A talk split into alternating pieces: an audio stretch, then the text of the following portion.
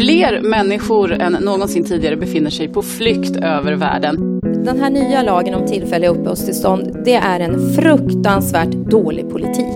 Och vi kräver stoppa utvisningarna till Afghanistan. EU behöver komma i mål med en ny, gemensam, human och solidarisk asylpolitik. Hej och varmt välkomna till Människor och migration, podcasten som handlar migration och de människor som rör sig över gränser. Jag som pratar nu, jag heter Maja Dahl och jag programleder den här podden. Idag så ska vi prata om arbetsmarknadspolitiska insatser som riktar sig just mot nyanlända och människor som är utrikesfödda. Nystartsjobb, extratjänster, etableringsjobb, eh, utbildningsjobb, jobbspår, snabbspår. Det finns väldigt många olika insatser och vi hör dem med jämna mellanrum. Folk blandar ihop dem, folk vet inte riktigt vad de innebär och några påstår att det är låtsasjobb som skapas. Men vad är egentligen skillnaden de, mellan de olika insatserna? Vad leder de till? Och finns det kanske till och med en undanträngningseffekt när det kommer till de här tjänsterna? Ja, det ska vi prata om här idag. Och med mig har jag därför som vanligt Lisa Pelling som är Arena Idés utredningschef. Välkommen. Tack så mycket. Och så har vi Jenny Larsson som är utredare på forskningsenheten på analysavdelningen på Arbetsförmedlingen. Välkommen. Tack så hemskt mycket. Det är så roligt att du är här Jenny, för att nu, ni som lyssnar vet inte om det här, men efter varje avsnitt som vi släpper ungefär så får jag ett mail från Jenny med saker som vi har missat, med saker vi borde ha pratat om. Så nu är det skönt att vi, att vi har med dig här, så att vi får med allting som vi ska ha med. Det känns väldigt skönt att det äntligen lönar sig det här också, att jag har velat att vi ska prata om så mycket spännande saker, så det är kul att få göra det. Budskap till alla våra fans, om ni hör av er tillräckligt ofta så får ni komma med själva sen. Jag får jag säga Maja att det är väldigt roligt att uh, vara tillbaka ja. med podden. Vi har gjort ett alldeles för långt uppehåll, det ska bli jättekul. Se fram emot den här hösten.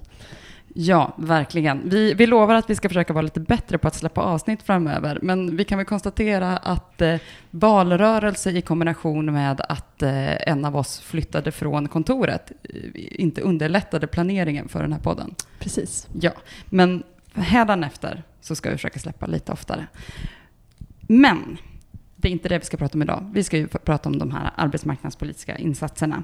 Eh, och jag tänker att vi börjar med kanske det mest grundläggande när vi pratar om de här insatserna. Alltså varför behövs de och kan man se olika drivkrafter bakom just de förslag som läggs? Lisa, du som statsvetare, kan du ge oss lite bakgrund, bakgrund till varför, här, ja, men varför man har de här um, politiska insatserna till den här gruppen? Eh, alltså en, en, en bakgrund är ju såklart den ekonomiska. Att eh, människor som kommer hit ska få en möjlighet att, eller att människor ska kunna bidra till samhällsekonomin. Det är en, en man tänker sig liksom eh, fylla kompetenshål i ekonomin men också bli en, en skattebetalare. Så det är den lite liksom krassa eh, delen av det här. Men sen finns det ju också en, en, en väldigt stark liksom, uppfattning om att detta att få ett jobb också är det viktigaste när det gäller att bli en del av samhället. Att, att etablering på arbetsmarknaden är liksom första steget till att bli integrerad överhuvudtaget i, eh, i samhället. Det finns ju liksom en, en, en syn på det. Sen, sen skiljer det sig åt en del vad man menar med att vara etablerad på arbetsmarknaden. Är det att få sitt första jobb eller är det att få ett jobb som är i nivå med ens kvalifikationer? Ska man säga att man är etablerad på arbetsmarknaden när man har en tillsvidare anställning? Eh, och där, där skiljer det sig lite eh, åt. En del tycker kanske att man är etablerad om man har dragit igång sin egna verksamhet fast man kanske som person hellre hade föredragit att, att få ett jobb, eller tvärtom.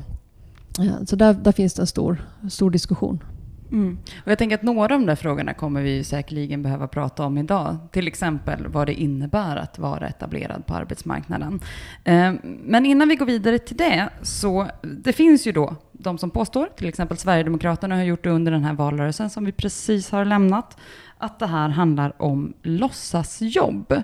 Jimmy Åkesson hade ju ett eh, famöst uttalande om detta. Jenny, du som jobbar på Arbetsförmedlingen och då ser vad det här är vad de här insatserna leder till. Är det låtsasjobb som skapas? Nej, det är ju inte låtsasjobb, utan det är en retorisk eh, framställning av Jimmie Åkesson skulle jag säga. Alltså, det här handlar ju om människor som utför arbeten, eh, i de flesta fall i subventionerad anställning. Så för personer, och det är inte bara nyanlända vi pratar om, utan ungdomar eller personer som har varit arbetslösa länge, som kan upplevas som något slags ja, men osäkert kort för en arbetsgivare. Man tänker så här, men vågar jag anställa den där personen? Eh, hen kanske inte pratar perfekt svenska och vi vet inte riktigt om den kanske, som har varit arbetslös länge, om den orkar. Så då, istället för att man ska våga ta, man tar en ekonomisk risk som man känner som företag, kanske att man inte har möjlighet att ta, då har man istället möjlighet att få en subvention eh, ifrån staten Eh, och jag skulle säga att det är lite som att så här, det är ett sätt att våga testa en person som man inte är helt säker på. Så det handlar ju fortfarande till exempel en del av de här insatserna. Du har ett jobb som ska utföras, men du får också en del av din lön under en period betald. Och tanken är att det här ska leda till ett fast jobb sen. Så nej, jag tror det där ska vi inte riktigt eh, föra vidare. Utan snarare sluta prata om det i de termerna. Mm. Eh, och du var inne lite grann nu på att de här personerna, eh, att det kan finnas en anledning till att man måste våga testa dem så att säga. Eller att de måste, de kanske, det finns kunskapsluckor som saknas som måste fyllas på. Um, och när man pratar om den här gruppen just nyanlända eller utrikesfödda personer som har invandrat till Sverige av olika anledningar. Så där, även där har vi ju en hel del fördomar om vad de har för förkunskaper. Eh, vad skulle du säga, liksom, hur, hur, ser den här gruppen ut? Kan vi fylla på lite grann nu vi som lyssnar så att vi förstår varför de här insatserna ser ut som de gör? Vad har de för förkunskaper? Hur ser svenska kunskapen ut och möjligheten till att lära sig svenska? Men man kan ju börja med, vilket är jätteviktigt, det här dom eh, är ju ett, inte världens bästa begrepp, Maja. Eh, men med det sagt, alltså vi har en, det är en väldigt, väldigt heterogen... Nu slipper du åtminstone skriva det i efterhand. Precis. Nu säger det direkt. Nej, men det är en väldigt heterogen grupp vi har att göra med. Alltså det är människor som kommer från många olika länder. Det skiljer sig utbildningsnivåer, vad man har för arbetslivserfarenheter. Eh, om man tittar då, om man, forskningen visar på vad som gör att en person har en kort väg till arbete. Eh, det beror på dels i första hand varför den kommer till ett land. Eh, och det säger sig självt. Kommer du som arbetskraftsmigrant till Sverige, då har du ofta ett jobb fixat och du har en utbildning. Då har du en kortare väg. Personer som kommer som asylsökande eller som anhöriginvandrare eh, har en längre väg till arbete. Och det är ju de personerna som vi ser i etableringen. Så det förenar ju de här personerna, att de har liksom inte kommit som arbetskraftsmigranter till Sverige. Eh, sen väldigt få pratar ju svenska från början, så att de har ett, en barriär som är kopplad till språk. Eh, det är också människor, en del har givetvis eh, sociala nätverk med personer som har kommit före släkt och vänner, men väldigt få har ju det in i, på den svenska arbetsmarknaden. Om man tittar på oss som har, är födda eller har bott länge i Sverige så har vi ofta liksom sociala nätverk. Det här är också människor som i stor utsträckning saknar det. Eh, man kan ju tillägga att en del har ju givetvis det, men då är också frågan var de arbetarna som man har i sina nätverk finns, alltså inom vilka segment finns det? Eh, vi har också ungefär, det är eh, en ganska stor blandning på, på utbildningsnivåerna. Så en fjärdedel av dem som idag, ungefär 40 000 personer är det, som ingår i etableringsuppdraget har två, en eftergymnasial utbildning på två år eller mer. Men en fjärdedel har i princip gått ut grundskolan bara och bland dem finns det analfabeter. Så, att en hel, så det är liksom ett väldigt, väldigt brett spektra. Så att det är en del människor eh, i, om vi nu pratar om bara etableringsuppdraget till exempel, eh, behöver ganska mycket insatser och hjälp för att få jobb. Det handlar om att plugga upp, liksom, kanske ens börja lära sig läsa och skriva till viss del. Så finns det ju andra som är liksom, arkitekter eller läkare som bara behöver hjälp och få liksom, insatser för att kunna validera sina betyg, för att kunna få testa och få in en fot på arbetsmarknaden. Så det, ju, det, går inte att säga att det finns en lösning för alla. Eh, så med det sagt skulle jag säga att, att eh, det finns ett brett spektra av personer som behöver olika mycket eh, hjälp och stöd. Mm. Och när man då tittar på, eh, tittar på dig nu Lisa, när man tittar på liksom den politiska debatten, du som, som följer den, upplever du att kunskapen finns kring att det är så här pass heterogen som den här gruppen är? Nej, det skulle jag inte säga att det finns. Jag tror att, man, att det är väldigt eh, lätt att, eh, att göra dem till en homogen liksom, massa. Eh, alla ungefär eh, samma. Sen, sen, pågår det ju ofta, liksom, finns det också, också en tendens kanske, den ena sidan, de som är mer optimistiska och eh, om, om möjligheten att eh, mm, eh för nyanlända att eh, snabbt få fotfäste, att överdriva hur många det är som har en utbildning som direkt går att använda i Sverige. För även om man har en eftergymnasial utbildning så är det ju så att man kan vara utbildad jurist och man kan ha doktorerat i juridik men det kan vara ett annat juridiskt system. Man måste ändå kanske läsa juristlinjen från början.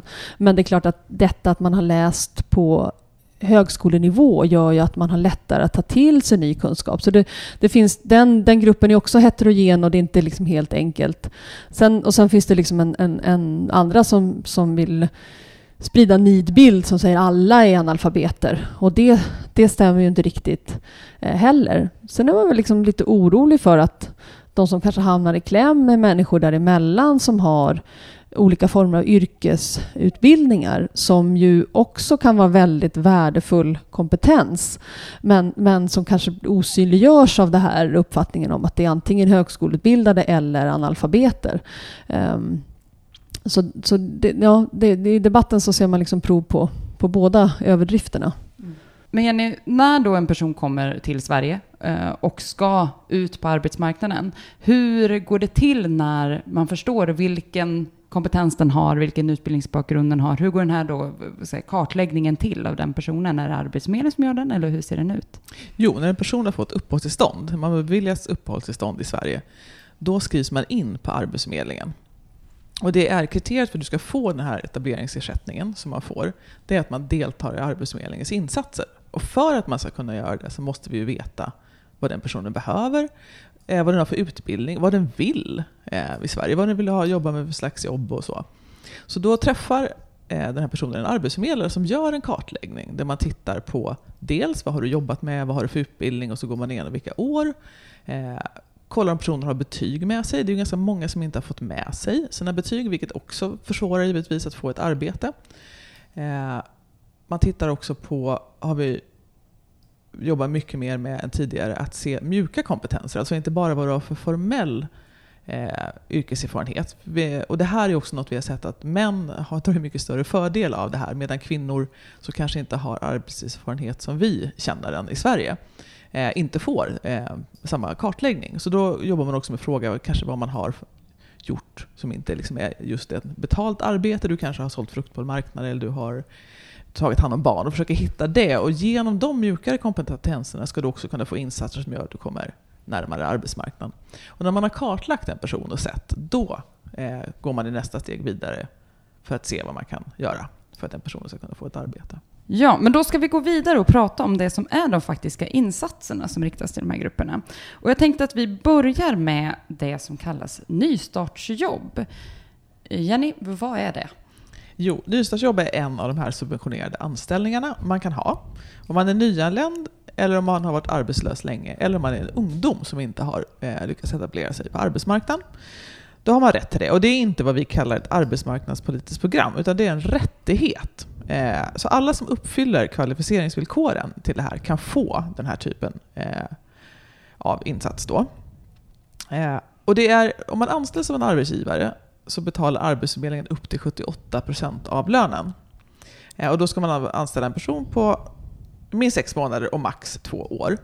Eh, och det som också gäller, nu förut, förut var det så att man var tvungen att ha kollektivavtal för att kunna anställa människor på nystartsjobb. Men det har tagits bort. Men istället så ska man ha eh, liknande villkor. Och man ska teckna en försäkring så, som heter Fora-försäkring för att få det här. Så det, det finns en kontroll av det här fortfarande. Eh, så. Och det som också är intressant med nystartsjobben tycker jag, det är att ett, den person som har det kvalificerar sig för a-kassa sen. Så har man haft ett nystartsjobb så är man berättigad eh, att gå med i a-kassan och kvalificera sig.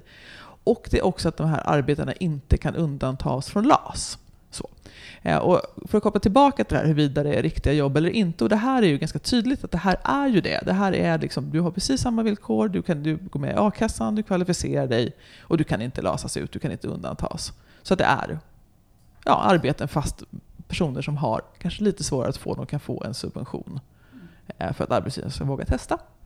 Kan man säga någonting om ungefär hur många som, eh, hamn, eller som får ett nystartsjobb per år? Så jag har inte siffrorna i huvudet, men det har varit en framgångsrik. Det är många som har haft nystartsjobb som har drivits. Nästa insats som jag tänkte att vi skulle prata om och reda ut lite grann vad det är, är ju extra tjänster. Vad är, vad är det för någonting?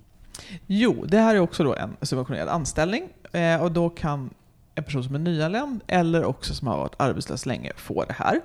Men det som är speciellt med extratjänster det är ju dels att det är en kommun eller statlig myndighet eh, som man kan anställa människor på extratjänster. Eller ideella sektorn, alltså typ eh, idrottsföreningar och sånt kan anställa de här personerna. Eh, och till skillnad från ett nystartsjobb, där det är en anställning där man liksom får en subvention, så är det här en extra tjänst. Det är alltså inte en person som skulle kunna haft ett jobb i vanliga fall. Utan som ska liksom komma dit, man lär sig kanske svenska, man lär sig arbetsmarknaden, du fungerar som en resurs. Eh, så, och det är en viktig skillnad där. Så till exempel en förskollärare ska inte kunna anställas på en extra tjänst på en förskola. Men en person som kanske har jobbat eh, med, tagit hand om barn eh, tidigare men inte har någon formell sån utbildning kan ha en extra tjänst för att sen kanske liksom välja att plugga vidare eller kunna jobba som outbildad på en förskola. Och den här subventioneras till 100% av Arbetsförmedlingen. Det kostar alltså inte arbetsgivaren någonting. Eh, om de inte vill betala en högre lön än 20 000 kronor i månaden. Min läsning av extratjänsterna är att de kom till lite grann för att man ville få upp volymen i antalet eh, personer som, som fick någon form av jobb som en del av sin, eh, sin etablering. Alltså man var frustrerad över att det är så svårt att få ut folk trots allt i, i nystartsjobb och andra former av insatser där man är beroende av eh, privata arbetsgivare. Att man med extratjänster så kan liksom regeringen ger order till sina statliga myndigheter så och så många extra tjänster ska skapas och man kan liksom ja, ha en trovärdighet bakom det löftet. Ehm, så, så, det, det, ja, så har jag tolkat att, att just den här formen kom till också. Sen kan man väl säga också att eh, extratjänster, i och med att det är mycket i offentliga sektorn, så är det också en satsning på en mer kvinnodominerad del av arbetsmarknaden i och med att det har varit svårare att få in kvinnor på till exempel andra former av insatser.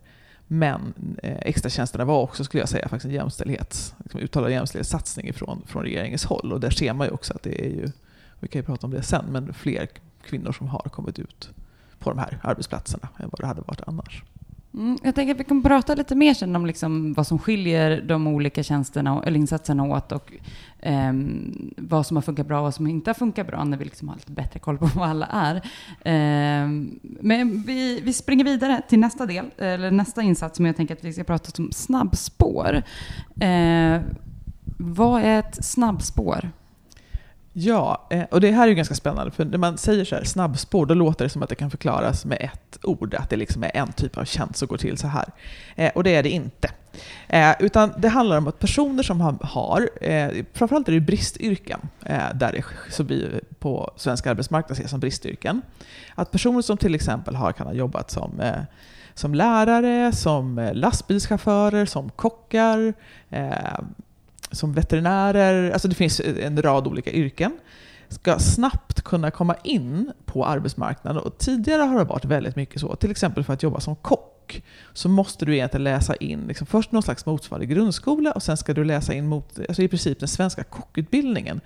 Eh, vilket man kan ju skratta lite åt, så här, måste du kunna här, koka rotmos och fläsk? Måste du kunna liksom, laga kallfärsbiffar, eller vad det är som, som liksom man, du behöver göra de här utbildningarna. Eller är det så att du har jobbat som kock i ett hemland och det går jättebra att du till exempel jobbar kanske och jobbar med, öppnar en falafelbar, eller jobbar som falafelkock utan att kunna grunderna i svensk husmanskost. Eh, och då är det ett sätt att du kan liksom jobba med flera delar samtidigt. Du kanske läser yrkessvenska, du validerar dina kunskaper direkt på en arbetsplats. Du slipper liksom börja från noll. Och det skulle jag säga, det som är alltså väldigt bra med de här snabbspåren, dels att de kan anpassas på ett sätt utifrån de olika utbildningarna. Alltså vad du har med dig. Vi har till exempel lärare som har, då har man uppdragsutbildningar på universitetet. Eh, Eftersom du har en akademisk bakgrund är du van att kunna plugga ganska intensivt och ganska fort. Man kan ställa, ha ganska alltså, höga krav på de här personerna att kunna till, tillgodogöra sig liksom, undervisningen och sånt. Så på ett år kan du liksom läsa ganska snabbt för att komplettera för att kunna komma in och jobba som lärare i Sverige och samtidigt får du praktik på skolor. Alltså det sker, istället för, det låter som att det är ett spår, jag skulle säga att det är väldigt många flera parallella spår för att gå in i någon slags här tågliknelse så är det liksom växlar och det är liksom vägar som benar ut och sånt. Eh, men som i alla fall tar personer framåt mot arbetsmarknaden från där man startar. Mm. Och nu sa ju du validera sina kunskaper på en arbetsplats. Jag tror att många, och inklusive kanske mig själv också, eh, tänker att när man säger validering, att det, det snarare handlat om att så det här är mitt betyg och nu så översätter vi det till ett svenskt system. Men det handlar alltså också om faktiska kunskaper som man kan visa på det sättet. Absolut. Alltså det fortsätter givetvis. Det handlar ju också om att översätta betyg. För ska du jobba som läkare i Sverige så måste man ju ha en läkarexamen. Eh, så är det ju. Eh, men du ska också kunna komplettera och till exempel de läkarsnabbspåren så har du möjlighet att kunna liksom få hjälp att studera inför att göra de här proven. Alltså det är många sådana delar också. Men också till exempel det kanske är svårare att validera exakt vad en läkare ska göra alltså på en arbetsplats. Men vi säger så här, när det inte handlar om människoliv kanske på samma sätt. Eh, att du kan se, kan den här personen laga mat och vi stannar liksom i det här. här. Vi ser den här personen ut som att den har matlagningskunskaper. Ja men vad bra, då kan du komma till min restaurang. Jag som, som kock och liksom köksmästare här kollar att du kan laga mat, att du kan hygien, du kan det som krävs för att jobba. Eh, så det här är ju liksom något som inte bara behöver vara teoretisk eh, validering, utan att det också är, man ser på de praktiska kunskaperna, att man kan tillämpa dem. Nästa insats då är lokala jobbspår. Vad, eh, vad är det för någonting? Jo, eh, det kan man säga att det är, alltså snabbspåren tas ju fram mycket på, på central nivå eh, i Sverige. Men det lokala jobbspår, har man jobbat ute i kommunerna med hittar, man tittar på vilka yrken är det vi behöver, eller vad är det, för, det kan inte ens vara ett yrke, vad är det för typ av arbetskraft vi är i behovet av i de här kommunerna? Eh, till exempel om vi nu fortsätter med kockarna, som är vad vi pratar om idag, eh, så kan man se till exempel att vi behöver människor som jobbar i skolkök eller förskolekök i den här kommunen. Eh, där behöver man ju inte en kockutbildning på samma sätt. Man måste fortfarande kunna hygien och du behöver kunna prata en del svenska för att du ska kunna snacka med eleverna och så här. Eh, och då hittar man då rustar man de här personerna ganska snabbt, men också med parallella insatser. Du kanske läser lite svenska, du praktiserar i ett skolkök, eh, du testar det fram och då ser man just på den lokala arbetsmarknaden vad det är man behöver. Eh, Jenny, nu sa du att man utgår från den lokala arbetsmarknadens behov. Eh, hur ser de analyserna ut och vad liksom leder det till att det är för jobb som, som man gör de här spåren kring? Det som händer är att det är initierat, så kan man säga så här att här finns ett behov. Att, till exempel kan den här arbetsgivaren säga att vi har behov av människor som jobbar på vårt företag de kommande åren. Eh, inom just det här liksom lokala, då kan man ju se så här, då kan man ju ta personer som bor på orten eh, hitta jobb där de skulle kunna få och som också gör att de kan stanna. Och det är också ett problem om man tittar på asylsökande som idag har på mindre orter så kan det vara lättare att få boenden men det kan vara svårare att få jobb. Eh, vilket gör att många flyttar till större stader, städer. Det här är också ett sätt att faktiskt skapa, se till att man har människor som kan bo där man väl har bosatt sig och du kanske har liksom fått barn i skola och sånt. Eh, så vad det gör att man ser de lokala behoven, vilket gör också att man tänker liksom i mindre skala, vilket gör att det är lättare att anpassa. Det är kanske lättare att hitta de här personerna också som finns på orten. Eh, så. Men det måste ju krävas väldigt mycket utifrån liksom Arbetsförmedlingen i form av matchning och analyser av vilka de här personerna är, vad deras vilja är och vad företagen behöver. Absolut, och det är det Arbetsförmedlingen är bra på. Det är ju matcha, det är vårt uppdrag. Att hitta, eh, kombinera arbetssökande med Eh, behovet av arbetskraft. Eh, så. Samtidigt så kommer det ibland eh, larm från ehm, företag som erbjuder sånt som yrkesutbildningar och som sysslar med matchning som upplever att de har svårt att fylla de kurser som Arbetsförmedlingen har upphandlat med deltagare. ibland så brister det liksom i den det ledet att de har upphandlat en utbildning till lastbilschaufför och där står liksom eh, lärarna eh, och, och lastbilarna, men de får inga deltagare från, från Arbetsförmedlingen. Är det liksom ett problem som du, som du känner igen? Ja, och det finns ju massa olika anledningar. Det kan ju dels vara att, att man har haft en, en stor grupp människor som har flyttat vidare till exempel på en ort. Eh, det kan vara att det är svårt att ta sig. Det kan också vara att det här är en om man upphandlar ganska ofta är det långa, flera överklagningar som gör att det tar lång tid innan de här utbildningarna kommer igång. Så när man kanske hade eh, en mängd människor som skulle kunna gått de här så kanske de har gått andra utbildningar, de kan ha flyttat, de kan ha fått andra jobb.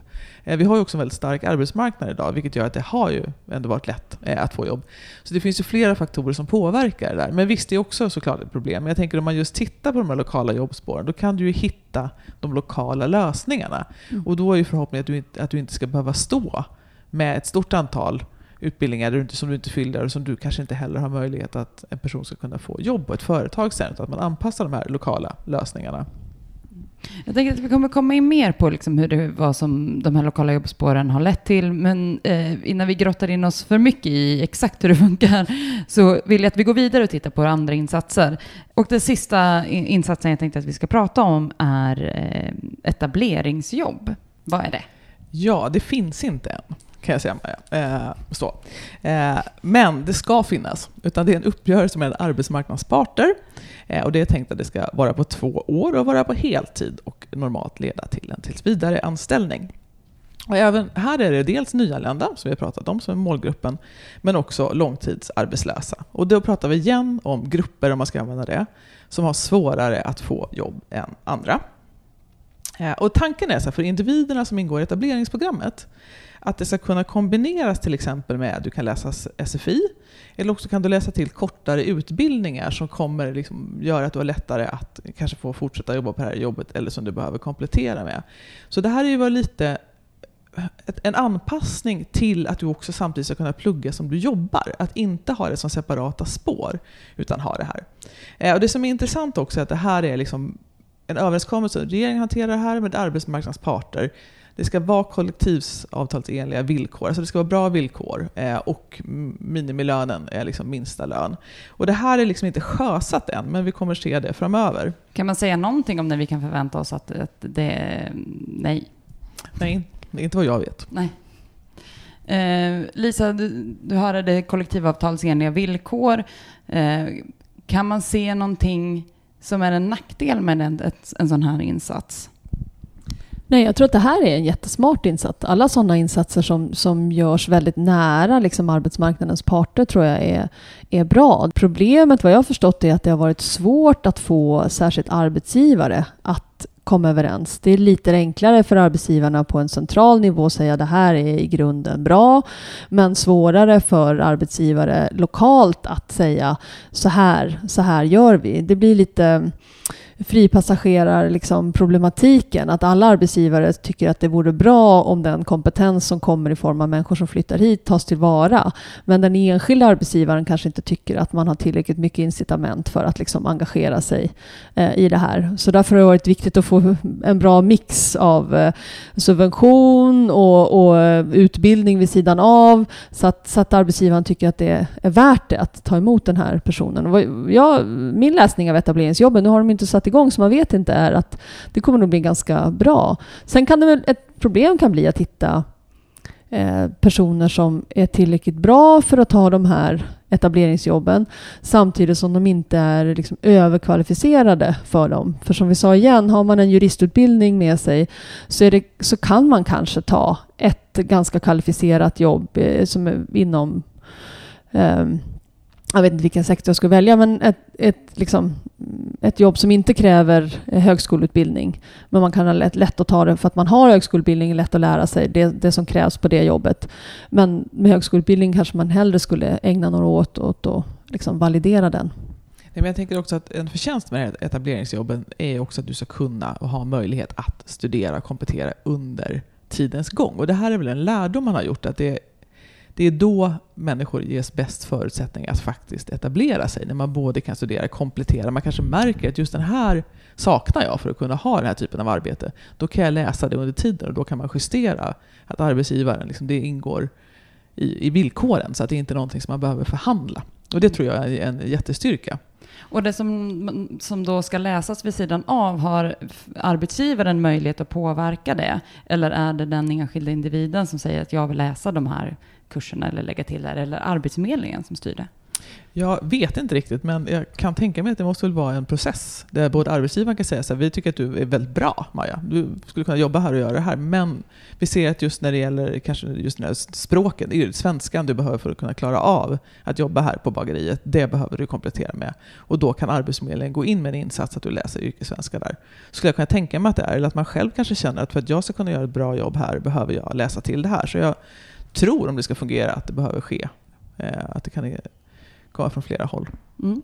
Ja, men kan man säga, eh, vi, vi, har ju gått igenom de här olika insatserna som finns eh, och det har ju funnits andra eh, som har försvunnit eh, och bakats in i det som nu är ja, lokala jobbspår eller snabbspår.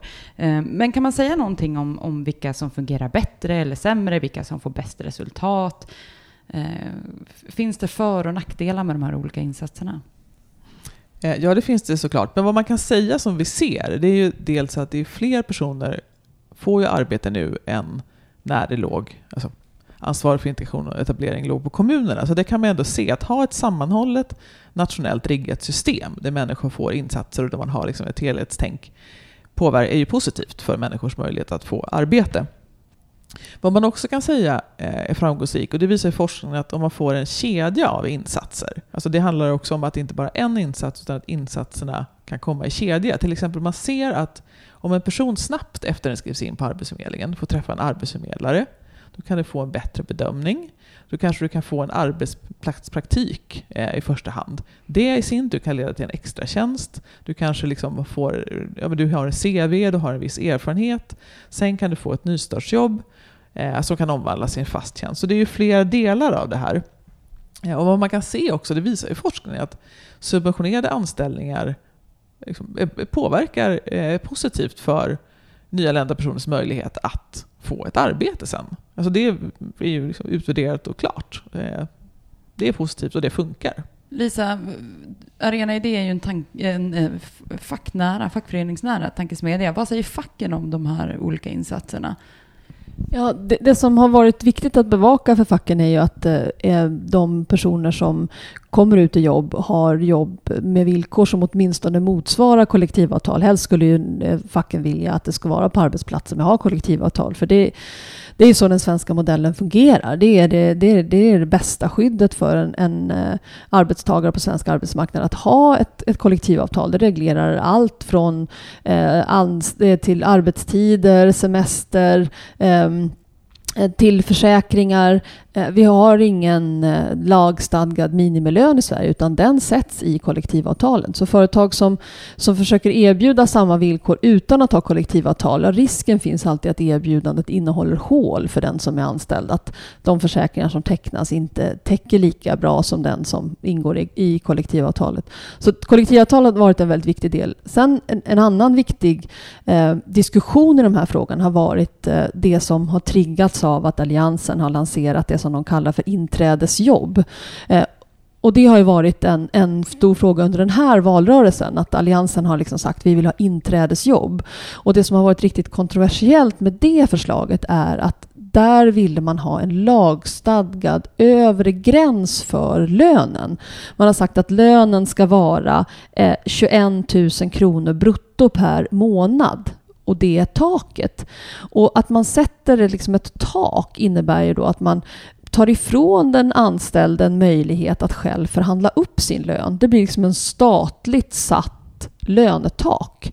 Eh, och det är, eh, är liksom att bryter helt och hållet mot den liksom svenska modellen där löner sätts i förhandling mellan den anställde och, och eh, arbetsgivaren med hjälp av facket till exempel. Det kan ju vara så att du kommer in och, och får en lön, en subventionerad anställning, en lön på 21 000 och sen upptäcker arbetsgivaren och dina kollegor att det här är en person som borde få samma lön som vi, 25 000 vore rimligt.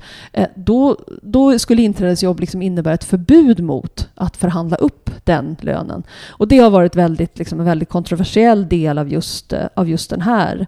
Eh, sen, sen en annan kontroversiell del har varit att eh, man har gjort inträdesjobb inte bara till nyanlända utan det är också till ungdomar under 23 som, som eh, eh, inte har gymnasieexamen. Men man har också sagt att anställningsskyddet ska motsvara provanställning i två år. Och anställningsskyddet som den har som provanställning, den är i princip noll. Man har inget anställningsskydd när man är provanställd. Och det har också varit en del av, av liksom diskussionen under valrörelsen att Alliansen har gått till val på att man vill förläng, fördubbla tiden för provanställning. Den är idag sex månader av total osäkerhet. Alliansen tycker att det ska vara ett helt år. Och den här formen ska då vara liksom två år i provanställningsformatet. Vilket gör att det är ett, ett, ja, ett dåligt betalt jobb med väldigt otryggt jobb. Um, och det här är deras stora liksom, arbetsmarknadsreform. Det finns en massa insatser. Uh, du pratar inträdesjobb, vi har uh, lokala jobbspår, nystartsjobb, uh, en himla massa extratjänster. kan de här liksom kvalificera bort eller liksom tränga undan varandra? Alltså hur, hur ser man till att individen i sig får rätt insats? Alltså här ligger, skulle jag säga, också ett, på gott eller ont, men ett ganska stort ansvar på arbetsförmedlaren. För att arbetsförmedlare försöker alltid någonstans uppmuntra och säga så här, du vet till en arbetssökande, du kan få en, ett nystartsjobb och det är bra om du får det. Nu har ju vissa andra typer av subventionerade anställningar som konkurrerar med nystartsjobben fasats ut. så. Eh, och där är det viktigt att, att Arbetsförmedlingen upplyser om vad du har för rättigheter eh, att kunna få, till exempel att nystartsjobb är en rättighet. Eh, sen är det ju så här, vi ska prata om lite så nackdelar och fördelar, så kan man säga att det är ju en fördel att ha fått ett nystartsjobb. Eh, så den typen av anställning, för du får Eh, som sagt, så vi pratade om det, a-kassegrundande, du kan inte liksom gå förbi, förbigås i LAS. En extra tjänst å andra sidan har inte det. Eh, då, du, du, kan inte liksom få a-kassa efter att ha haft en extra tjänst. Eh, så det är klart att det är bättre att få den typen av anställning. Eh, man kan också säga att nystartsjobben, man har ju visat att de, det är större chans att få ett arbete om du har haft en subventionerad anställning, men också visar forskning att det finns inslag av undanträngning. Eh, och där tänker jag att bland annat är ett sånt ett nystartsjobb Eh, där du liksom ändå utför ett kvalificerat arbete. Jag tänker extratjänsterna borde ju vara svårare eh, i och med att det ska vara en extra tjänst. Eh, och inte någon som jobbar som är utbildad förskollärare som ska ha den typen av mm. tjänst. Men det är klart att, att det kan finnas arbetsgivare som eh, är frestade av att anställa någon som en extra tjänst som ju inte kostar någonting istället för att anställa en person som man måste betala full lön för. Och, och, och särskilt om personerna har liksom motsvarande kvalifikationer så, så eh, kan det ju vara liksom svårt att se till att den personen kommer in och gör någonting extra, som Jenny säger, och inte gör det jobb som en person som, som, eh, som eh, har, har den kvalifikationen och därmed de lönen också utför. Särskilt svårt är det ju här i liksom kontaktyrken där man jobbar med människor. Det är svårt att, att jobba på ett vårdboende och säga nej jag är extra tjänst här så jag ska göra sånt som ni annars inte hinner med. När man ju inte hinner med eh, att göra det man ska göra så blir det ju så att den rycker in och gör jobbet.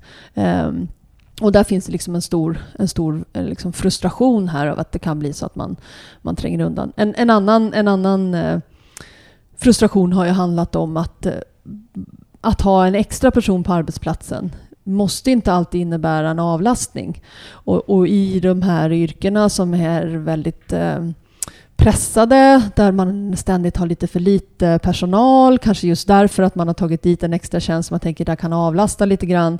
Är det en person som kanske har eh, ganska låga språkkunskaper, som behöver mycket handledning, så kan det eh, liksom vara, ja, vara en belastning. Så det, det är, inte, det är inte enkelt. Mm. Om man tänker en annan eh, säga, konkurrensdel är väl, om vi, som vi pratade tidigare, lokala jobbspår som utgår från det lokala eh, näringslivets behov och eh, snabbspår som utgår ifrån en större eh, kompetensbrist, eller också båda utgår ifrån en kompetensbrist men ena är mer lokalt. Eh, finns det risk för att man hamnar i ett lokalt jobbspår som kanske går till ett mer säga, lågkvalificerat yrke än att du går på ett snabbspår som är inom det yrke där du själv är utbildad? Ja, den risken finns ju såklart. jag skulle, men jag skulle också vilja lyfta att de ofta går att kombinera någonstans. Att, att tanken är att där det kanske finns ett glapp i form av om du deltar i ett snabbspår där du kanske pluggar till lärare och medan det är, eh, du kanske har gått en ettårig utbildning och du behöver lite mer tid, då kan du å andra sidan inom ramen för ett lokalt jobbspår kunna få Eh, praktik på den skolan. Så att i den bästa världen kombineras de och istället kompletterar varandra. Men givetvis finns det finns ju alltid risker med allting. Inget system är ju perfekt. Men förhoppningsvis så kan man ju liksom i ett gott samarbete mellan liksom nationell och lokal nivå men också hitta att det inte ska behöva bli så. Kan man se att vissa grupper, eh, att det är bättre för vissa grupper med de här insatserna? Finns det vissa grupper som får fördelar och andra grupper som inte får de här insatserna till lika stor utsträckning? Ja, det kan vi ju se. Eh, vi ska säga att nystartsjobben då, som jag har pratat om, som är den bästa insatsen om man ska se just alltså både till etablering på arbetsmarknaden men också vad du får för vad du kvalificerar dig till i form av vårt ersättningssystem i Sverige. Som där, det ska vi också tillägga att ersättningssystemet i Sverige bygger på att du ofta kvalificerar dig genom arbete och det är också grunden varför det är så viktigt att få ett jobb här för annars kommer du liksom inte in i ersättningsnivåerna. Sen med föräldraledighet och sjukpenning och sånt. Men det man ser är att nästan alla nystartsjobb går till män. Så, eh, och det är ett faktum. Eh, extratjänsterna har gynnat kvinnor på det sättet att de ofta finns i så kallade kvinnodominerade segment, alltså den offentliga sektor och så. Vilket gör att fler kvinnor, i synnerhet inom etableringen, som har haft svårt att komma ut på arbetsmarknaden, har fått en möjlighet att komma ut och det är jättebra. Men baksidan med det här då, det är ju att du inte kvalificerar dig på samma sätt eh, för att kunna få a-kassa eller för att du liksom, risken att du inte du kan lasas ut och så. Eh, och det är ju det har gynnat männen och det är ganska mycket mer. Det är ganska mycket som gynnar männen. Så att det här är ju, följer ju ett, ett mönster på det. Nej, men generellt i samhället. Alltså också så här, vi kan också se eh, att snabbspåren, som är en väldigt bra insats, eh, finns ju också fler i manligt dominerade segment. Eh, och det är ju och det är ju arbetsmarknad. Alltså vi ser vad, vad finns det bristyrken, vad hittar man dem och vad gör man och vad har man arbetat? Och det är också fler män som har gått snabbspåren. Inte jättestor, inte lika stor skillnad som nystartsjobb och extratjänster, men där, även där har männen, genom att det är de branscherna, gynnats. Sen är de ju ofta utformade utifrån eh, en norm om att man ska finnas tillgänglig för jobb heltid, alltså åtta timmar om dagen. Och då det har visat sig vara ganska svårt att kombinera med att man har någon form av omsorgsansvar, alltså att man har ansvar för att se till att barn kommer iväg till skolan eller man har ansvar för att se till att, att eh, sköta ett, ett hushåll överhuvudtaget. Och då kan, kan valet tyvärr ha, ha varit, min uppfattning varit att valet har varit mellan att ta ett, ett, ett, ett nystartsjobb eller andra former av insatser som är på heltid som man inte kan och att inte göra någonting alls. Att det har funnits en liksom eh, allt för liten flexibilitet där och det här med att vara liksom tillgänglig åtta timmar om dagen ja, för många av oss som har ganska flexibla jobb som, som eh, kan jobba lite på tunnelbanan på vägen dit eller på bussen på vägen hem eller kanske till och med öppna mejlen på kvällen. Det här handlar om jobb där man ska vara åtta timmar om dagen på arbetsplatsen. Ibland med lunchpaus i mitten. Eh, och man inte säkert att man bor särskilt nära den här arbetsplatsen. Man har ju inte valt den utifrån att den ligger nära utan det är, man har blivit anvisad till den. Det kan vara långa tider att åka buss dit, att åka buss hem. Att kombinera kombinera det med att liksom ha ansvar kanske för barn som behöver också etablera sig i skolan, förskolan kan vara väldigt eh, svårt. Så att där eh, ja, det skulle man behöva väcka mer. Att ha ett erbjudande som går att kombinera med omsorgsansvar. Det, ja, tyvärr är det så att det är oftast kvinnor då som skulle behöva det. Vad, vad säger, eller hur villiga är arbetsgivarna till att eh, vara öppna för flexibla lösningar? För jag tänker alltså även om, om vi nu tittar på eh, snabbspåren och de lokala jobbspåren återigen så kräver ju det att personerna faktiskt inte är heltid på arbetsplatsen som jag har förstått dem, utan att du parallellt ska kunna läsa kurser eller svenska eh, eller ja, annan form av utbildning. Eh, hur vill jag ha Sveriges arbetsgivare varit att anpassa sig till det? Ja, det är ju en omöjlig fråga att svara på. Men vad, vi kan, men vad som är viktigt att komma ihåg är att det här är ju inte insatser som görs för att det är någon slags så god verksamhet. Ibland låter det som att nu gör vi det här för att vara snälla. Det är inte alls det det handlar om. Sverige har, vi har ett jättestort behov av arbetskraft. Vi har en jättestark arbetsmarknad. Vi behöver den här kompetensen.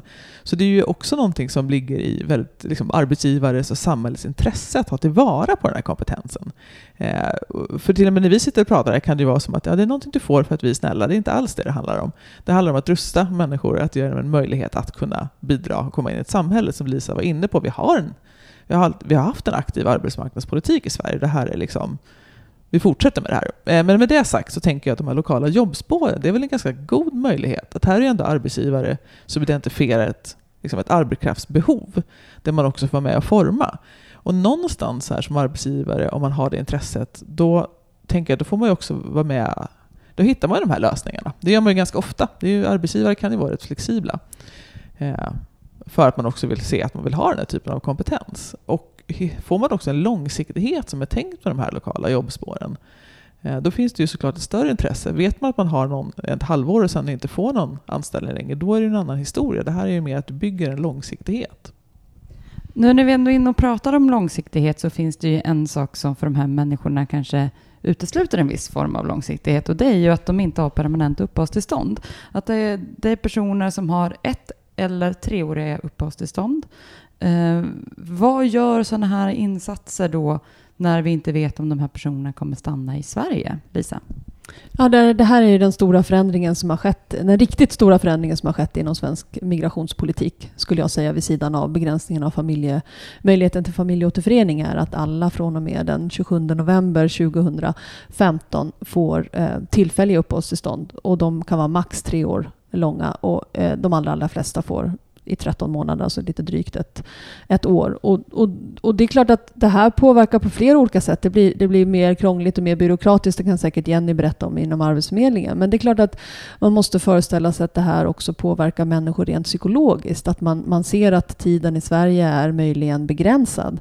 Viljan att liksom investera i en utbildning på lång sikt, att lära sig svenska, att, att ha mental kapacitet över för en ganska stor koncentration som krävs att lära sig svenska samtidigt som man oroar sig för uppehållstillståndet, samtidigt som man dessutom kanske oroar sig för familjemedlemmar som inte kan komma och, och få skydd i, i, i Sverige. Ja, är väldigt allvarliga konsekvenser för, för etableringen. Jenny, vad säger du? Märker man av det här på Arbetsförmedlingen? Ja, jag skulle säga, det gör man ju såklart. Eh, men det som är viktigt att komma ihåg är att Arbetsförmedlingen jobbar ju med de här personerna som om vi jobbade innan, att, som om att du har rätt till etableringsinsatser i 24 månader. Det är ju utgångsläget på, på lokala arbetsförmedlingar för att man inte ska behandla människor olika. Eh, sen kan man ju också, ja, med, en hel del människor överklagar vilket gör att det förlängs i fyra månader. Eh, sen kan du få förlängning igen. Alltså det är en otroligt osäker situation. Men som arbetsförmedling är det viktigt att ändå tänka det här är en person som har, precis som alla andra, 24 månader på sig. Men med det sagt så är det ju klart, Eh, idag har vi, vi har en stark arbetsmarknad i Sverige, vi har ett stort arbetskraftsbehov. Har du en gymnasieutbildning eh, och kan, ja, men, kanske till och med inte ens hyfsad svenska idag, har du ändå ganska stora möjligheter att få ett arbete. Och det här är ju inte, det får en konsekvens att är det genom att ha ett arbete, jag har en möjlighet att återförenas med mina barn, med min partner, att kunna bygga en, en framtid land, då tar ju jag givetvis ett arbete även om det är under min utbildning eller de kvalifikationer jag har. Och om jag står i valet och kvalet och välja att utbilda mig eller ta ett arbete, då är inte valet så svårt. Eh, och om man tittar på, eh, på, liksom på lokala arbetsförmedlingar så säger de ju också att de ser att fler och fler går och tar arbeten. De berättar ju de här arbetsförmedlarna såklart att du kan validera, du kan göra det här. Eh, men, men i och med att det ändå är lätt att få ett arbete. Och det här är ju lite som vi kanske har pratat om innan, om, om undanträngningseffekter. För att arbetsgivare anställer ju gärna människor som har en högre utbildning än vad jobbet behövs egentligen. Så vad vi ser är ju att fler människor med högre utbildningar, och det här är ju inget nytt nu, det här är, Sverige har en lång tradition av en arbetsmarknad där, där liksom vi har en ganska hög utbildningsnivå på människor på, inom arbeten som, som inte kräver det, bland personer som kommer från andra länder. Eh, och det syns ju här också. Det är klart att du tar de jobb du får och då blir det också undanträngningseffekter för de personer som inte har lika höga utbildningar.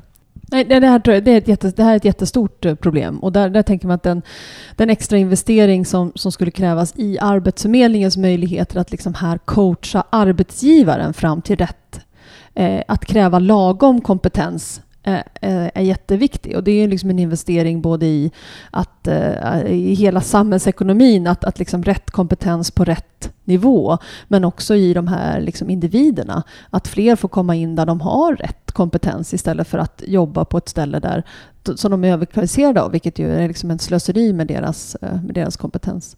Jag måste tyvärr eh, gå nu när vi spelar in det här, men jag återkommer gärna. Tack för den här möjligheten. ja, tack som vanligt Lisa. För att du var med här. Vi, jag och Janne kommer att prata vidare om, eh, om de här arbetsmarknadspolitiska insatserna. Lisa var tvungen att springa. Eh, det är sånt som händer när man gör radio helt enkelt, även de gånger man spelar in i förväg. Eh, det är spännande. Eh, vi kan också säga för till dig som lyssnar att det verkligen inte var något allvarligt som hände. Men Jenny, hur, hur, upplever du då att, nu säger, sa Lisa det precis innan hon sprang, att eh, man måste bli bättre på att förstå eh, vad som faktiskt krävs för den här tjänsten och att arbetsgivare gärna egentligen ofta anställer någon som är överkvalificerad. Eh, är det så det ser ut om vi tittar ut på hur de här insatserna används? Jag tycker ändå man ser idag att arbetsgivare har förstått, alltså både arbetsgivare och tänker också hur samhället kommunicerar kring det här. För det har varit så stort fokus på den här perfekta svenskan och det tror jag bygger också på att man har haft ett system där man först ska plugga och lära sig svenska och sen ska du börja jobba. Eh, men när arbetsgivare idag liksom, dels har ett stort behov av arbetskraft så ser man att det gör ingenting eh, att du kanske inte pratar den där perfekta svenskan när du jobbar i skolköket. Eh, utan att det kommer också, det ser man ju också att personer som är ute på arbetsplatser och får möjlighet att prata svenska lär sig ju svenska där. Det är ju inte så att, att arbeta är inte ett kunskapsinhämtning och en språkutveckling. Och det är också jätteviktigt att komma ihåg. Vi har, ju, vi har ju nu pratat om de här insatserna egentligen strikt utifrån ett eh, perspektiv av att de här personerna är utrikesfödda, även om vi då och då nämner att de även riktar sig till personer eh, som är långtidsarbetslösa eller unga. Eh, men de upplevs ju ofta som att de riktar sig till invandrare. Eh, Finns det en risk med att ha speciella arbetsmarknadspolitiska insatser som just riktar sig mot, eller som man upplever riktar sig mot en grupp som inte är födda i Sverige? Jo, och det här är ju jättespännande för att vi har ju, alltså sen vi gick från invandringspolitik till integrationspolitik eh, i slutet av 90-talet så har vi tagit bort de här särlösningarna. Vi har riktade insatser under de första åren i Sverige. Sen är det liksom den generella politiken som gäller alla och det här tycker jag tenderar att försvinna i diskussionen man pratar om. Där det låter som att det liksom är så här, det här är insatser för invandrare. Det är det ju inte. Det är för personer som nyligen kommit till Sverige och behöver hjälp att etablera sig. Och personer som har varit borta från arbetsmarknaden länge. Och ungdomar. Eh, så många av de här tjänsterna, som du sa, riktar sig till flera grupper. Eh, men problemet är att de, alltså i det här, den politiska debatten som har varit så har det framats som om att det bara gäller alltså invandrare, att det blir ett problem och en problematik. Så jag tänker att det snarare är sättet att prata om det som är problemet, eh, än att det finns möjligheter för personer som behöver extra stöd för att etablera sig. Eh, och det är ju inte, och det visar ju, OECD kom ju med en ny rapport nu för ett par veckor sedan, som visade att Sverige är bra på integration. Vi måste bara komma ihåg det. Att vi, är dukt, liksom, vi är rätt bra på det här. Vi är inte världsbäst. Eh, och det finns mycket att göra, men vi är bra. Och en av anledningarna som OECD pekar ut det är ju att det finns ett sammanhållet introduktionsprogram för personer som kommer till Sverige. Det, det, jag tänker att det också för väldigt många, i och med att precis som du säger, att det pratas om det som att det här riktar sig enbart till de här personerna, att man bara ser kostnaderna. Eh, men man ser inte vad det leder till. Och då tänkte jag så, hur många av de här eh, insatserna leder sen till jobb? Kan man säga någonting om liksom, effektiviteten i de insatser som görs? Alltså nu har inte jag några exakta siffror, men man har ju effektutvärderat och visat att det har ju effekt. Alltså, personer som får de här får mer jobb. Alltså det är gynnsamt för en person, arbetsmarknadsetablering. Sen visar det också att det kan leda till undanträngningseffekter, men de goda effekterna är, överväger det. Vad jag tror däremot vore farligt, eh, det vore att rikta speciella insatser. I valrörelsen så har man ju pratat om till exempel att det ska vara tvång på att barn för vissa grupper, nyanlända till exempel, ska behöva gå på förskola och sånt. Är det sådana typer av insatser där man verkligen presenterar särlösningar, då tror jag att det är farligt. Om man säger det här är bara nyanlända som måste göra det här och det gör man i form av någon disciplineringstanke. De här insatserna som Arbetsförmedlingen erbjuder för några subventionerade, av subventionerade anställningar är ett sätt att hjälpa människor att liksom få, få komma in på arbetsmarknaden. Det är ju inte en disciplinering. Nej, men om man börjar formulera sådana här särlösningar, som till exempel plikt att gå på förskola, om man gör det även i form av liksom arbetsmarknadsinsatser som idag liksom är någonting som ska hjälpa och du får någonting och du rustas. Så, då är ju risken att det bara blir symbolpolitik. Alltså då går vi mot något slags dansscenario. Eh, och, där, och det är jätteviktigt att komma ihåg när vi pratar om det, att vi är inte där idag. Alltså så här, det är inte de typer av insatser som nyanlända personer får. Istället kommer man till ett sammanhållet mottagande, man träffar personer som liksom matchar mot arbete med arbetssökande eh, och du ska få goda förutsättningar att etablera dig. Men du nämnde ju valet nu eh, och vi har ju då precis haft val här i Sverige. Vi spelar in det här två dagar efter valet. Eh, och om du tittar på de här frågorna har diskuterats i valrörelsen så har man ju mycket pratat om integrationsproblemet och framför allt hur vi ska få den här gruppen eh, i jobb för att vi har misslyckats med det. Men stämmer verkligen det om vi tittar i en liksom, internationell jämförelse? Nej, det stämmer, det stämmer varken om vi tittar internationellt eller historiskt nationellt de senaste åren. Vi har en jättestark arbetsmarknad nu. Vi har fler och fler utrikesfödda personer och nyanlända personer som jobbar. Om man tittar på liksom Arbetsförmedlingen, resultaten eh, 90 dagar efter avslutad etablering till exempel, så är det fler nu än vad det någonsin har varit eh, sedan Arbetsförmedlingen fick etableringsuppdraget som jobbar eller studerar tre månader efter avslutad etablering. Alltså det går bra nu. Så. Eh, likadant tittar man internationellt så visar ju flera studier att här, Sverige är bra. Alltså, det är svårt att säga att vi inte lyckas med integrationen. Vi är ett av de länder som lyckas bäst. Samtidigt så pratar vi om att, att Sverige har det största glappet mellan inrikes och utrikesfödda i jobb. Stämmer inte det då? Eh, alltså vi har ju ett stort glapp och det beror också på utbildningsnivåer. Alltså utrikesfödda som har en utbildning eh, jobbar ju i större utsträckning än utrikesfödda som inte har en utbildning. Eh, så om de här personerna som saknar en gymnasieutbildning har en möjlighet att få det så kommer ju de i jobb snabbare. Den delen absolut finns ju. Men tittar man jämför liksom internationellt också så brukar man prata om att Sverige har ett större glapp mellan inrikes och utrikesfödda än man har i väldigt många andra europeiska länder. Eh, har vi då inte, alltså kan, kan utbildningsnivåerna helt och hållet förklara det eller fin, finns det andra sätt som, som man kan gå in och titta på då? Alltså, nu, du kan ju inte säga så här, men det, så här, det finns till exempel diskriminering på arbetsmarknaden och den är ju också belagd. Alltså, det finns ju personer som till exempel har vad man kallar så arabiskt klingande namn har gjort studier. Eh, om de med liknande meriter eh, och samma utbildning söker ett arbete och en person har gjort experiment som har ett svenskt klingande namn, eh, då har den svenska personen med det svensk klingande namnet en mycket större chans att få jobbet. Man väljer bort personer som har utrikes klingande namn. Det är också en faktor till att eh, det är svårare att få ett jobb om du har, liksom, du behöver inte ens vara född utanför Sverige. Du kan, det kan ju räcka med att du har ett namn som låter utländskt. En annan grupp som man pratar om som en del av det, det liksom problemet med den svenska integrationen är ju de utrikesfödda kvinnorna. Att vi inte får in dem i arbete. Eh, och att det också skiljer sig internationellt. Stämmer, stämmer de siffrorna som man pratar om då? Och i sådana fall, varför får vi inte ut utrikesfödda kvinnor i jobb? Det är också jättespännande. Sen kan man ju säga så här, de som kommer till Sverige så är det fler män som börjar jobba än fler kvinnor. Eh, så är det ju. Men man brukar säga också att eh, när man pratar om hur dåligt det går i Sverige, vilket det ju då inte gör som vi har sagt, eh, så pratar man om att i Sverige är ett väldigt stort gap, ett sysselsättningsgap att, eh, mellan inrikesfödda kvinnor och utrikesfödda kvinnor. Där man säger så här, titta, titta. Inrikesfödda kvinnor jobbar till, nu kommer jag inte ihåg exakt, men säg 90% av alla jobbar i Sverige. Men inte med de utrikesfödda kvinnorna. Där har man ett mycket större gap. Men på, i Tyskland däremot, där är inte alls gapet lika stort. Eller i Italien är det inte lika stort.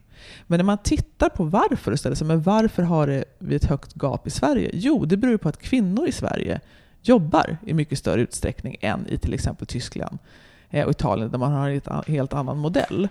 Eh, och jag tittade på de där siffrorna och det är ju väldigt spännande för det är ju fler alltså andel av utrikesfödda kvinnor som bor i Sverige som arbetar än vad det är av inrikesfödda kvinnor i Italien. Så att det, där började är ju lite som att jämföra äpplen och päron det där att säga. Så det här sysselsättningsgapet som man pratar om eh, beror ju på att i Sverige har vi en liksom, tradition, sedan 70-talet i alla fall, att eh, man jobbar i Sverige. Vi har liksom en sån modell som bygger på två inkomster.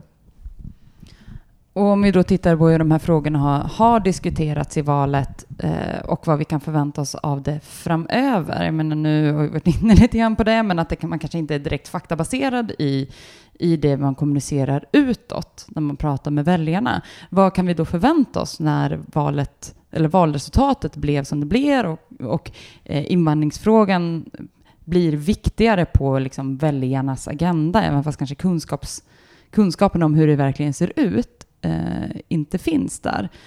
Kommer vi fortsätta att prata om siffror som inte stämmer och in, alltså, inte, alltså jämföra då äpplen och päron även framöver? Kommer de här insatserna finnas kvar? Det vet vi inte. Det har ju varit en diskussion. Jag hoppas att vi pratar om hur det faktiskt ser ut nu. Nu när valet är över, då kanske vi, och vi har då, ser vad som händer med regeringen, så att vi, att vi faktiskt börjar prata om hur det faktiskt ser ut. Att säga så här, men det här det är liksom, vi har en stark arbetsmarknad, fler får jobb. Vi kanske kan prata om de här personerna som en resurs till exempel. vi har en arbetskraftsbrist i Sverige som är jättestor. Här har vi en otrolig möjlighet att faktiskt eh, kunna använda de här personerna för, för liksom jobb vi behöver. Eh, sen har ju hela Arbetsförmedlingens vara eller inte vara eh, varit ett slagträ liksom, i, i, debatten innan valet där ett flertal partier har gått till, till val på att att lägga ner Arbetsförmedlingen. Men det har det också kommit, vilket jag tycker är intressant, eh, som statsvetare och internationalekonom, Nu har det kommit flera inlagor från nationalekonomer som har som man ofta i de här partierna, som allianspartierna, eh, har stött sig på att man vill lägga ner Arbetsförmedlingen. Men nu säger de här Calmfors bland annat, som är liksom, han säger så här att eh, om man ska privatisera Arbetsförmedlingen måste det ske sakta och det kan inte ske över en natt. Och det är inte säkert att det blir så mycket bättre med privata aktörer. Så jag hoppas att nu när valet är över så kanske det kan bli en mer nyanserad debatt om vad, eh, hur man ska göra med det här. Att, att också komma ihåg att det förra försöket som vi hade med privata arbetsförmedlingar, det var ju ganska tydligt med etableringslotsarna som fanns. För de upphandlades ju via lagen eh, om valfrihet, så att alla fick liksom vara med. Eh, och de här lotsarna fick betalt när de hade fått personer i arbete. De här lotsarna avskaffades väldigt fort, så de har inte utvärderats så tydligt. Men vad man kan se där, det var ju att det funkade ju inte. För att personer som var lätta att få jobb satsade man ju på. För man vet att man fick betalt. Och det här är någon lärdom som jag tycker vi ska ta med liksom när man diskuterar vad händer med Arbetsförmedlingen om man privatiserar eh, delar av det. Att så här, det finns en fara med det här, för det kan bli de här creaming och parking-strategierna som man ser eh, väldigt tydligt. Eh, och sen om man tittar på också de personer som är inskrivna på Arbetsförmedlingen idag. Om man kollar på de arbetssökande så är en alltså, betydande del av de personer som står långt ifrån arbetsmarknaden, som har varit arbetslösa länge. Eh, de kan vara personer som nyss har kommit till Sverige som behöver mer. Det är ungdomar som inte har etablerat sig.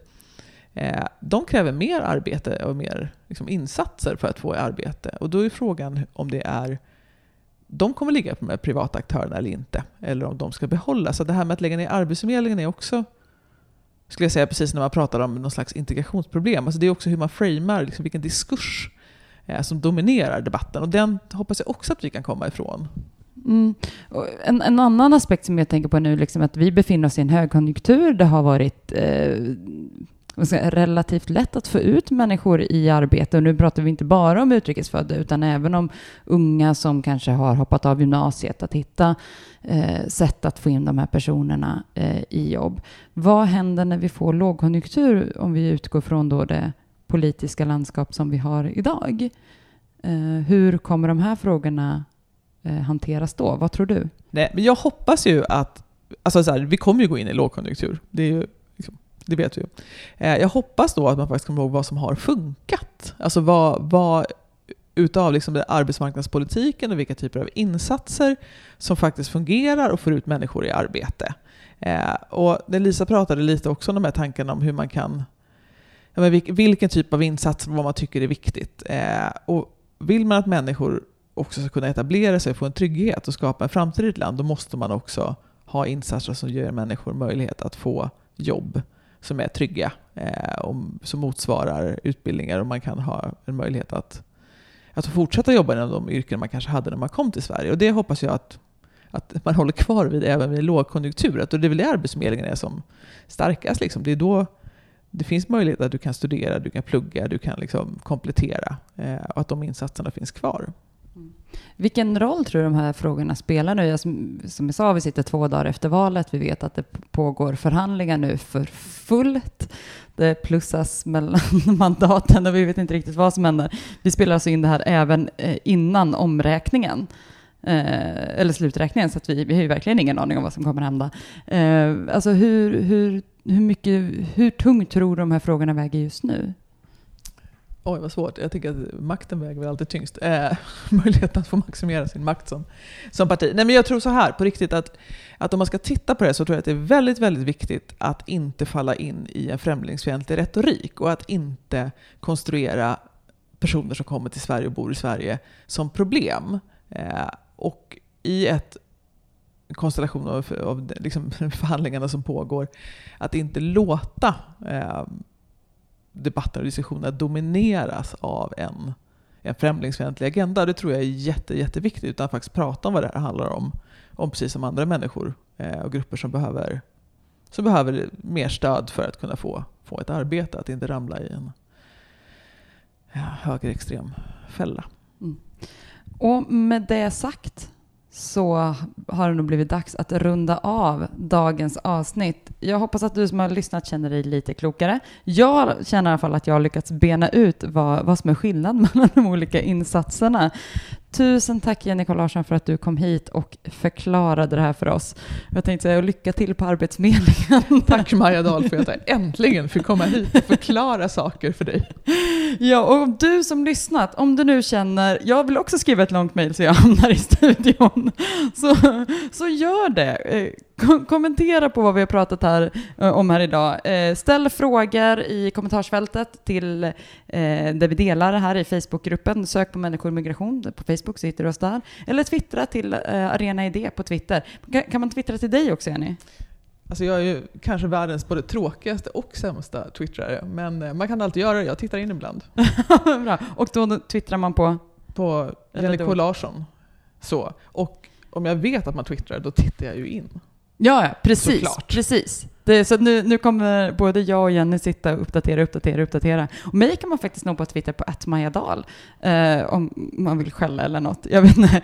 Eh, tusen tack till dig som har lyssnat. Eh, nästa avsnitt ska förhoppningsvis inte dröja lika länge som det här har gjort. Eh, Lisa Pelling som sprang iväg eh, kan ni också twittra till på att Lisa Pelling. Och vi hörs igen om ett litet tag.